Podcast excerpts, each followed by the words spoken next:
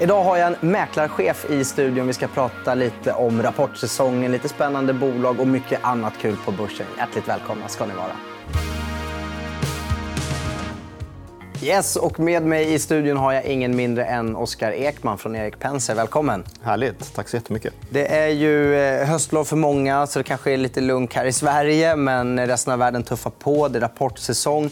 Många av de tyngsta rapporterna har redan kommit in. Vad har du för reflektioner så här långt? Du sitter ju, redan, du sitter ju mitt i bruset. Liksom, ja, det är bra med höstlov. För att mm. Alla var ju tvungna att vara klara innan så de kunde vara lediga. Så varenda bolag har ju egentligen släppt sin rapport innan den här veckan. Vilket är ju både skönt och det blir ett enormt flöde av rapporter några dagar. Framförallt förra veckan var det helt hysteriskt. Men reflektionen är väl att det är rätt okej siffror. Eh, och det som färgar mer än själva siffrorna det är om aktien är lågt värderad eller högt värderad eh, på en kurs som relativt är hög eller låg eh, jämfört med andra bolag.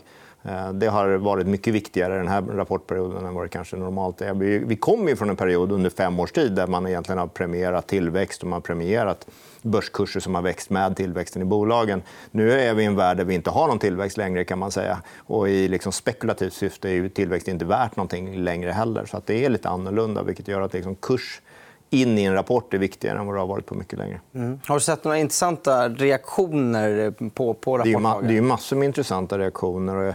Du, du, har också ganska svårt att förstå reaktionerna ibland. Men jag tycker när man försöker dissekera... Jag har gjort en lista som jag alltid gör med bolag som har rört sig bra och dåligt. Och den listan är ungefär lika lång på båda sidorna just nu. Mm. Så det är ganska spretiga mottaganden. Kanske med lite övervikt åt den, den bättre reaktionen. Då.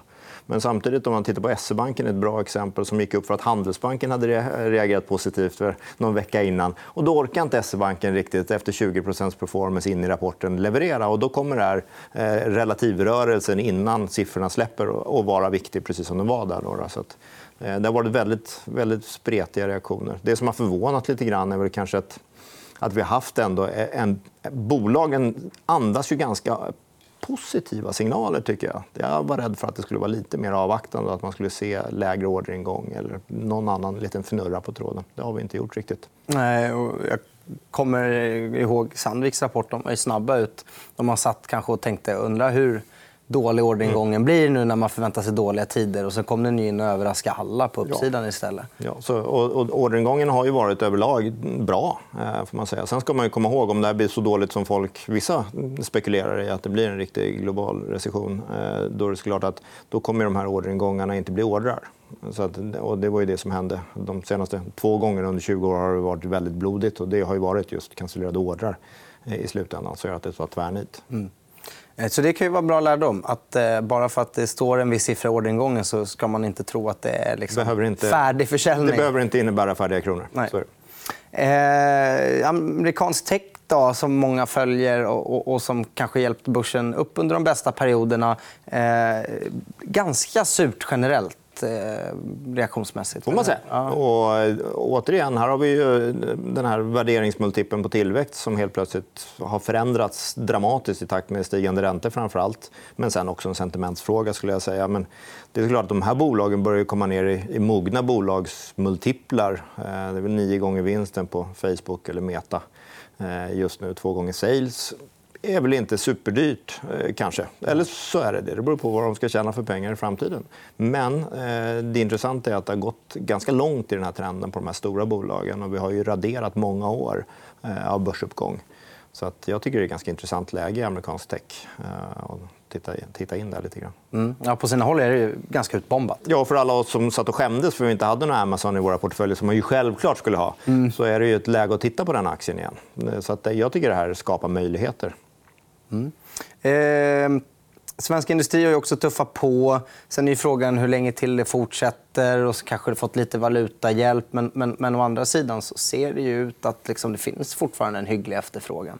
Ja, eh, men om man ska vara lite orolig någonstans i någon sektor just nu så är det kanske industrisektorn där vi har sett för lite dåligt egentligen i förhållande till vad vi spekulerar i media om. Eh, om man jämför kanske med fastighetssektorn då, som har en helt annan bild av hur dåligt det är i värderingar eh, så är det såklart att underleverantörer inom industri kanske inte är det första som man tittar på som nya köpcase just nu. Utan där kanske man kan fundera lite på var de hamnar om vi får det här dåliga scenariot. Så lite för bra prisad industrisektor just nu, tycker jag. Jag tycker inte att det är brutalt att köpa Sandvik heller Nej. Eh, på den här nivån, om det nu blir en dålig konjunktur. Mm. Eh, något som tycker jag är kul, för jag tycker om när det går bra för, för småsparare eh, i och med att det är de som oftast tittar på det jag gör. Eh, och småsparfavoriterna både SBB och Sinch har fått lite comeback här under, under rapportsäsongen och, och, fått väldigt starka reaktioner. Det måste också stucka ut i din lista som absolut. några av de starkaste. Ja, ja, absolut. Och det visar ju också att förväntansbilden till slut blir fel. Man överdriver både i upp och nedgång. Och det har vi, vi har ju alla varit med på ett eller annat sätt i en väldigt lång uppgång. och Nu har vi sett en väldigt lång nedgång. Eh, samtidigt är det också viktigt när du tittar på de här bolagen att man kanske inte alltid dras med i de här spekulativa vågorna på uppsidan just nu heller. För vi är fortfarande i en ganska besvärlig situation. Jag har ingen aning om Sinch ska kosta 30 eller 50 kronor eller 20 kronor. Eh, det, är snarare ett uttryck från marknadens värderingsmetodik den dagen. En implicit värdering av det som kommer att vara viktigare. Och tittar man på Stillfront, som också är ett bra exempel på ett bolag som väldigt många gillar på alla sätt som har haft ett ändlöst fall ner, men som helt plötsligt blev stark. gick från 20 till 30 innan rapporten. 50% upp eller 40 upp. Då.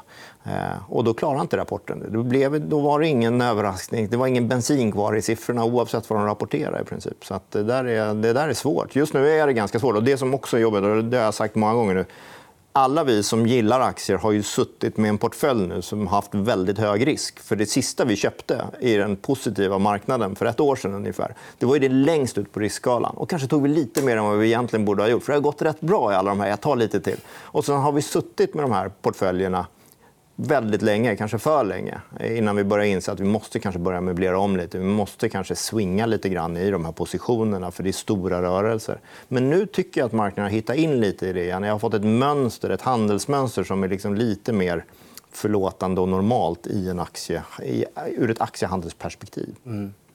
Ja. Många sitter skevt. Så ja, Tyvärr. Men det är intressant det du säger också. Att, att så fort ett sentiment blir, blir lite positivare, även om det bara är några veckor, så märker man också hur... och Det kan jag ju själv också känna. Då, då, man, man svänger ju även humörmässigt. Ja, ja men det kanske inte är så illa ändå i verksamheten. Och man kanske har missbedömt det här och det här. Likväl som när, allt, när det går ner massor så börjar man helt plötsligt se nackdelar med ett bolag som man inte såg när allt gick bra. Man, man dras väldigt lätt med. Ja, ja, nej, och, du, och, och din, din, det du resonerar kring färgas alltid av hur börsen går den dagen, hur dina bolag går den dagen.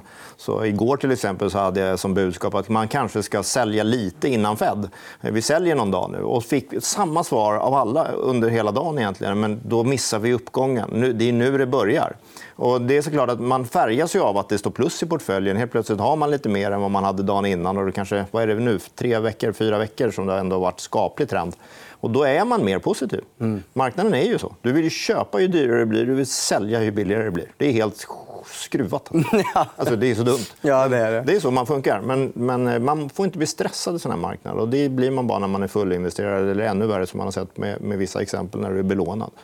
Så att man ska vara försiktig i den här marknaden, men man ska våga ta beslut. Och inte försöka ryckas med i de olika vågorna fram och tillbaka. Nej, det här är en klassisk marknad som är svår. Ja. Det är liksom diversifiering. Olika... Varför gick Sinch upp och inte Stillfront? Och... Alltså, det... Man har liksom inte riktigt svaren. Och även om man hade fått siffrorna innan för Electrolux till exempel, det var en katastrof. Jag har aldrig sett så dåliga siffror. De gick rakt upp. Så att man är liksom... det... det spelar ingen roll om du har siffrorna en dag innan. Och att du tjänar pengar på den informationen, den är... jag har inga siffror dagen innan. Men det är, liksom... det är omöjligt att läsa eh, hur, eller väldigt svårt idag att läsa hur, hur det ska reagera. Mm. Mm. Ja, intressant eh, marknad. Och Fed, som du nämnde, vi spelar in det här på onsdagen och så kommer de tyvärr hinna komma med sitt besked tills, tills programmet släpps. Det släpps under fredagen, men, men det ska ändå bli spännande att se. Det blir jättespännande. Det är samtidigt som det är nedsläpp i Globen mellan AIK och Djurgården. Så jag kommer missa Fed-beskedet. Så det kommer vara en överraskning på fredag när det sänds. Mm, ja, spännande. Mm. Exakt, för du kommer inte alls smygkolla. Nej, jag kommer inte alls kolla det. Nej, nej, nej. Eh, ja, men det är bra. Men vi, vi, kan väl ändå stanna lite vid Fed. Det känns som att under, på tal om det här att man gärna också dras med i sentiment, det känns att under de här bra bra veckorna av börs då det har varit lite bättre. Att det generella, det generella förväntan från investerare blir mer och mer att centralbankerna generellt ska mjuka till sig. Inte bara det här beskedet, utan kanske framför allt kommande år? Att, det inte blir, att de inte ska vara så hökaktiga som man kanske trodde för någon månad sedan? Det är nog ett mer, mer ett sånt resonemang just nu. Och vi har det här pivotresonemanget. Vad betyder det? Då? Ja, exakt. Vad betyder pivot? Ja. Vad betyder det? Och jag skrev om det idag. Jag snappade upp det någonstans. Att pivot är ju egentligen att nåt vänder i princip. Att räntan ska börja gå ner. Men sen tror jag vi har börjat prata om att räntan ska börja plana ut. Eh, och just nu är pivot att den inte ska gå upp lika fort som vi tror. Så att det, och det gör ju också att vi mentalt har en bild av att det här ändå, som du säger, om sex månader 12 månader så har vi ett annat ränteläge och en annan trend på styrräntorna. Eh, Sven-Olof Johansson skrev i sitt eh, vd-ord på rapporten att om sex månader så kommer räntorna att börja fallit. Och är det så att han har rätt i den nu är han inom fastighetssektorn, så det är klart att han... han Hoppas på det. Ja, och det gör vi väl kanske allihopa. Skulle jag säga.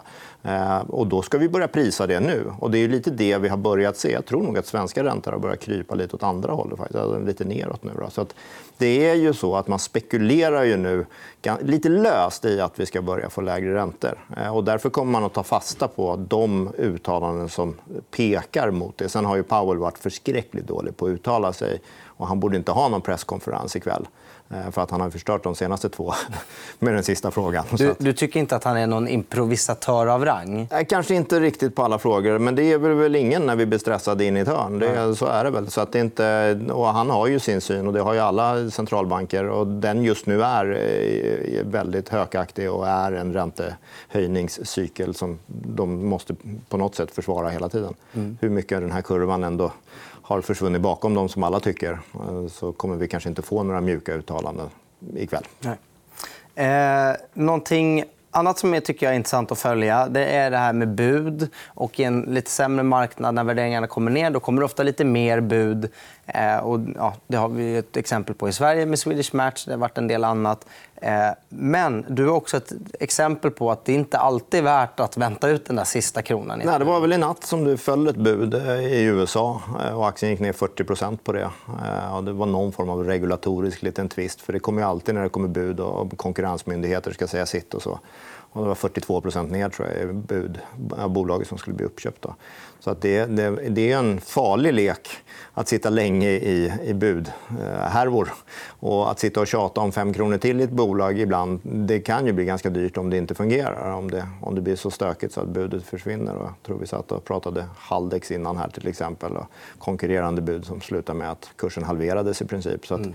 det, det är den här bud metoden bakom ett bud för en aktieägare för mig är den ganska klar. Kommer ett bud tycker jag det är rätt skönt att sälja. Jag har fått rätt i min tro. Det här var ett bra bolag. Vi har fått en högre värdering eh, och jag kan använda pengarna någon annanstans. Så det, men det är väldigt många som sitter och tycker att de vill ha lite till. Eller den sista kronan som man ska vänta på i två månader innan likviddagen är. Den, hur mycket är den värd? Mm. Så att det, bud är speciellt, men alla har olika strategier. Ja. Men det är bra när det kommer såna här... Eller bra, det är det inte. Men det är synd om någon som sitter med det bolaget. Men det är bra att bli väckt någon gång ibland om att det finns risk på nedsidan i bud också. Ja, exakt. Det är inte alltid säkert att det kommer igenom. De kanske inte får de 90% de vill ha. Det kan vara regulatoriska exakt. grejer. Så att, eh, ja, eh om man är en försiktig general och en försiktig själv då är det kanske oftast bäst att säkra upp. Med ja, jag, har valt att göra, jag är oerhört försiktig och har ju valt att göra så alltid. Mm. Jag vill ju knappt äga en aktie när de rapporterar. Sån är jag. jag tittar gärna på hur aktien reagerar på en rapport och sen så handlar jag efter det i den trendens riktning. Mm. Bra. En, en, liten, ett liten, vad ska man säga, en liten lärdom. Eh, sist men inte minst. Då, det är alltid kul att bjuda på någon liten aktiekaramell. Eh, något bolag som kanske blivit lite intressant under rapportsäsongen eller av andra skäl. Dometic är ju ett, ett ganska kul bolag, tycker jag. Eh, för en karismatisk vd. Det är alltid roligare för mig att intervjua en karismatisk vd än en lite mer tillbakadragen Eh, vad, vad, tänker du om, om, reaktionen där under rapportsäsongen? kan, om vi börjar med marknaden som helhet så finns det en sektor som har varit kanske sämst. Förutom de här rena tillväxtaktierna med vinster långt fram i tiden så har ju faktiskt bolag med väldigt starka varunamn eh, som tjänar pengar eh, men som har konsumenter som direkta slutkunder eh, haft det jättejobbigt. Och det är Husqvarna, Elux, eh, Byggmax, Inwido och, Dometic till exempel. Du kan säkert rada upp flera bolag än så. Men det har ju varit de sämst utvecklade bolagen, eller de som gått sämst under året. Eh, och där har ju varenda rapport nästan tagits emot. BHG vinstvarnade för några veckor sedan, rakt upp på vinstvarningen. Så att det här har varit ett tema. att De här bolagen är så sönderbombade så att vad de än säger så har det börjat gå bra. Då är ju faktiskt Dometic en av dem som har gått absolut bäst på sin rapport. Eh, vilket också gör då att jag tycker att där ser man att den här trenden att att inte äga någon form av konsumentrelaterad aktie då, den har gått över. Utan nu är det helt plötsligt undervikt i sektorn snarare än övervikt som det var innan rapporterna. Och Dometic är ett skolboksexempel på en positiv reaktion eh, på en rapport och där du efter tre, fyra dagar som det har tagit nu eh, har stått ungefär på samma nivå. Så den är för mig ett solklart köp om man eh, spekulerar uppgång imorgon. Så att, och de ser ut så här, alla de aktier jag nämnde i princip. skulle jag säga du har bra reaktioner på rapporterna. Jag gillar att se bra reaktioner på rapporterna. Därför blir man kanske lite negativ till de som har gjort tvärtom. SE-banken som exempel. Då.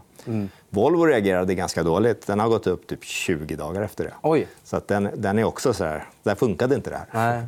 Det säger väl en del också om marknaden just nu, att den är svår. Ja, det är svårnavigerad. Mycket svårt. Mycket ja. svårt. Volvo är ett fantastiskt bolag som folk gärna väljer att köpa när det börjar vända till. Det finns ju så här riktiga favoriter. som Börjar man tänka att men nu ska det nog gå upp, när det har gått ner ett år så köper du gärna Volvo till exempel. Mm, intressant. Och, och, och vad gäller Dometic och, och, hela den sektorn, som du säger, det kanske, man kanske till slut kommer till en gräns när alla som kan sälja har sålt av.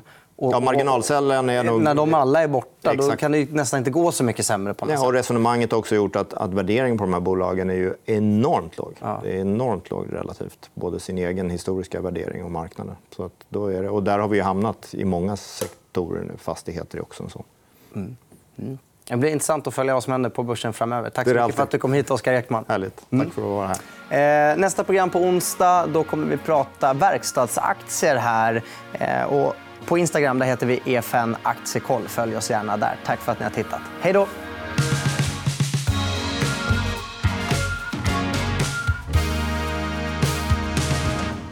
Du har lyssnat på EFN Marknad, en podd av EFN Ekonomikanalen.